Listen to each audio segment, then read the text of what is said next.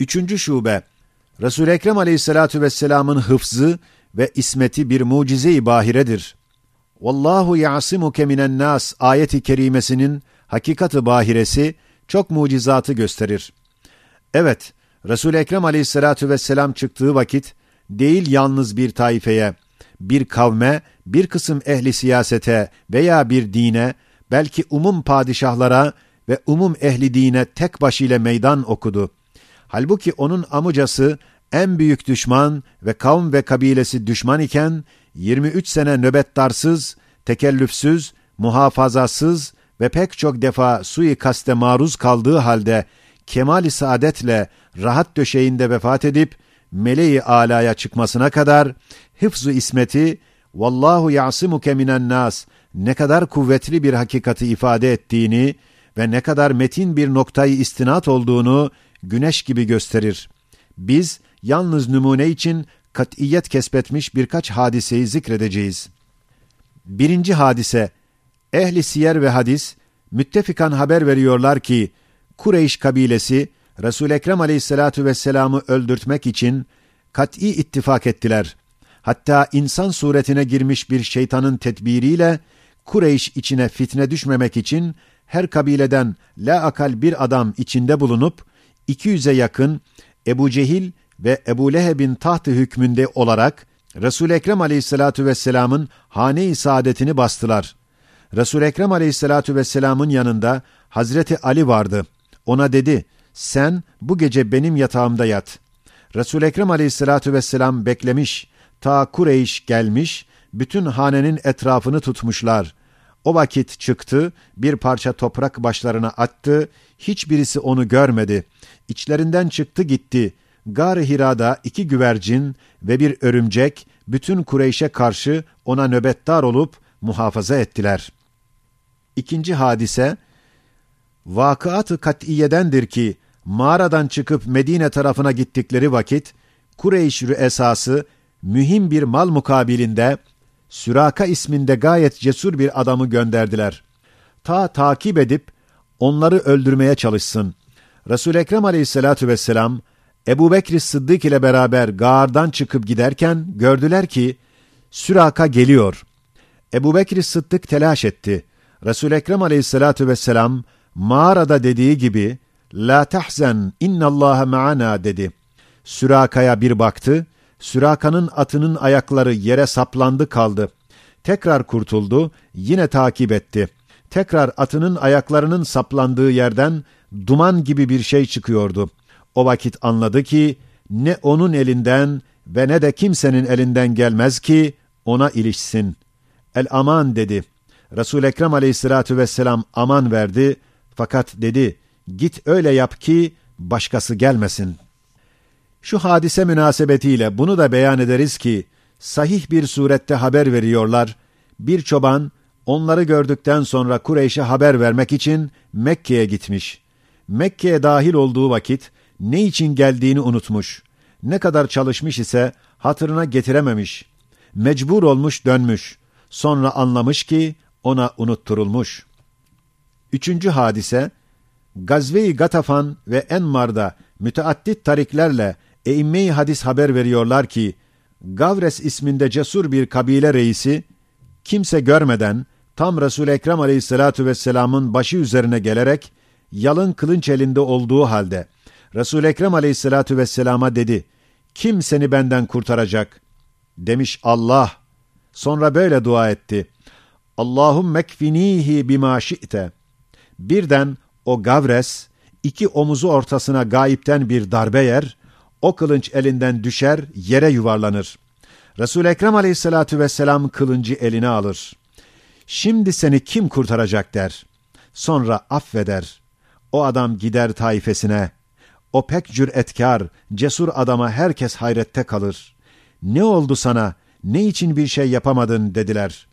O dedi, hadise böyle oldu, ben şimdi insanların en iyisinin yanından geliyorum. Hem şu hadise gibi Gazve-i Bedir'de bir münafık, resul Ekrem aleyhissalatu vesselam'ı bir gaflet vaktinde kimse görmeden tam arkasından kılınç kaldırıp vururken birden resul Ekrem aleyhissalatu vesselam bakmış, O titreyip kılınç elinden yere düşmüş. Dördüncü hadise, manevi tevatüre yakın bir şöhretle ve ekser ehli tefsirin İnna cealna fi a'naqihim aglalan fehiye ilel ezqani fehum min beyni eydihim saddan ve min halfihim saddan fe agşeynahum fehum la yubsirun. Ayetinin sebebi nüzulu ve ehli tefsir allameleri ve ehli hadis imamları haber veriyorlar ki Ebu Cehil yemin etmiş ki ben secdede Muhammed'i görsem bu taşla onu vuracağım. Büyük bir taş alıp gitmiş. Secdede gördüğü vakit kaldırıp vurmaktayken elleri yukarıda kalmış. Resul Ekrem Aleyhissalatu vesselam namazı bitirdikten sonra kalkmış, Ebu Cehil'in eli çözülmüş. O ise ya Resul Ekrem Aleyhissalatu vesselam'ın müsaadesiyle veyahut ihtiyaç kalmadığından çözülmüş. Hem yine Ebu Cehil kabilesinden bir tarikte Velid İbni Mughire yine Resul Ekrem Aleyhissalatu vesselam'ı vurmak için büyük bir taşı alıp secdedeyken vurmaya gitmiş. Gözü kapanmış. Resul Ekrem Aleyhissalatu vesselam'ı Mescid-i Haram'da görmedi, geldi. Onu gönderenleri de görmüyordu. Yalnız seslerini işitiyordu. Ta Resul Ekrem Aleyhissalatu vesselam namazdan çıktı, ihtiyaç kalmadığından onun gözü de açıldı. Hem nakli sahih ile Ebu Bekir Sıddık'tan haber veriyorlar ki, Sure-i Tebbet Yeda Ebi Leheb nazil olduktan sonra Ebu Leheb'in karısı Ümmü Cemil denilen Hammaletel Hatab bir taş alıp Mescid-i Haram'a gelmiş. Ebu Bekir ile resul Ekrem aleyhissalatu vesselam orada oturuyorlarmış. Gözü Ebu Bekir Sıddık'ı görüyor, soruyor. Ya Eba Bekir, senin arkadaşın nerede? Ben işitmişim ki beni hicvetmiş, ben görsem bu taşı ağzına vuracağım. Yanında iken Hazreti Peygamber aleyhissalatu vesselam'ı görmemiş. Elbette hıfzı ilahide olan bir sultan-ı levlakı, böyle bir cehennem oduncusu onun huzuruna girip göremez. Ağzına mı düşmüş? Beşinci hadise. Haberi sahih ile haber veriliyor ki, Amir İbni Tufeil ve Erbet İbni Kays, ikisi ittifak ederek, Resul-i Ekrem aleyhissalatu vesselamın yanına gitmişler. Amir demiş, ben onu meşgul edeceğim, sen onu vuracaksın. Sonra bakıyor ki bir şey yapmıyor. Gittikten sonra arkadaşına dedi, neden vurmadın? Dedi, nasıl vuracağım? Ne kadar niyet ettim? Bakıyorum ki ikimizin ortasına sen geçiyorsun. Seni nasıl vuracağım? Altıncı hadise. Nakli sahih ile haber veriliyor ki, Gazve-i Uhud'da veya Huneyn'de Şeybe İbni Osman el-Hacebi ki, Hazreti Hamza onun hem amcasını hem pederini öldürmüştü. İntikamını almak için gizli geldi. Ta Resul Ekrem Aleyhissalatu vesselam'ın arkasından yalın kılınç kaldırdı. Birden kılınç elinden düştü. Resul Ekrem Aleyhissalatu vesselam ona baktı, elini göğsüne koydu. Şeybe der ki, o dakikada dünyada ondan daha sevgili adam bana olmazdı. İmana geldi, Resul Ekrem Aleyhissalatu vesselam ferman etti. Haydi git harbet. Şeybe dedi, ben gittim, Resul Ekrem Aleyhissalatu vesselam önünde harbettim. Eğer o vakit pederim de rast gelseydi vuracaktım.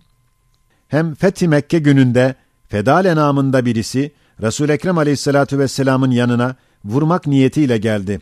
Resul Ekrem Aleyhissalatu vesselam ona bakıp tebessüm etti. Nefsinle ne konuştun dedi. Ve Fedale için talebi mağfiret etti.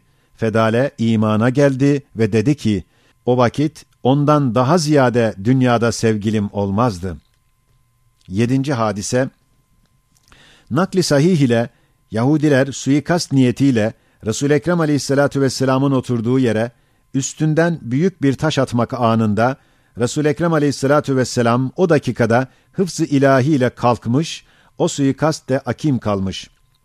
Bu yedi misal gibi çok hadiseler vardır. Başta İmam-ı Buhari ve İmam-ı Müslim ve Eymme-i Hadis Hazreti Ayşe'den naklediyorlar ki Vallahu yasimuke minen nas ayeti nazil olduktan sonra ara sıra Resul Ekrem Aleyhissalatu vesselam'ı muhafaza eden zatlara ferman etti. Ya eyyuhen nas insarifu fakat asameni Rabbi azze ve cel. Yani nöbettarlığa lüzum yok. Benim Rabbim beni hıfz ediyor.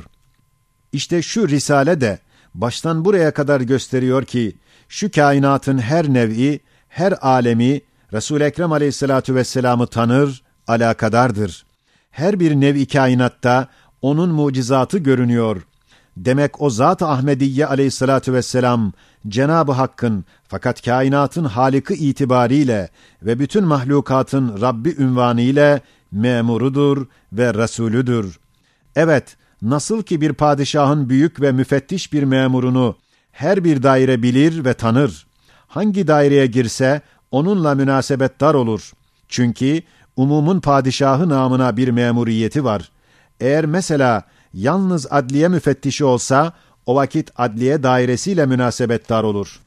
Başka daireler onu pek tanımaz ve askeriye müfettişi olsa, mülkiye dairesi onu bilmez.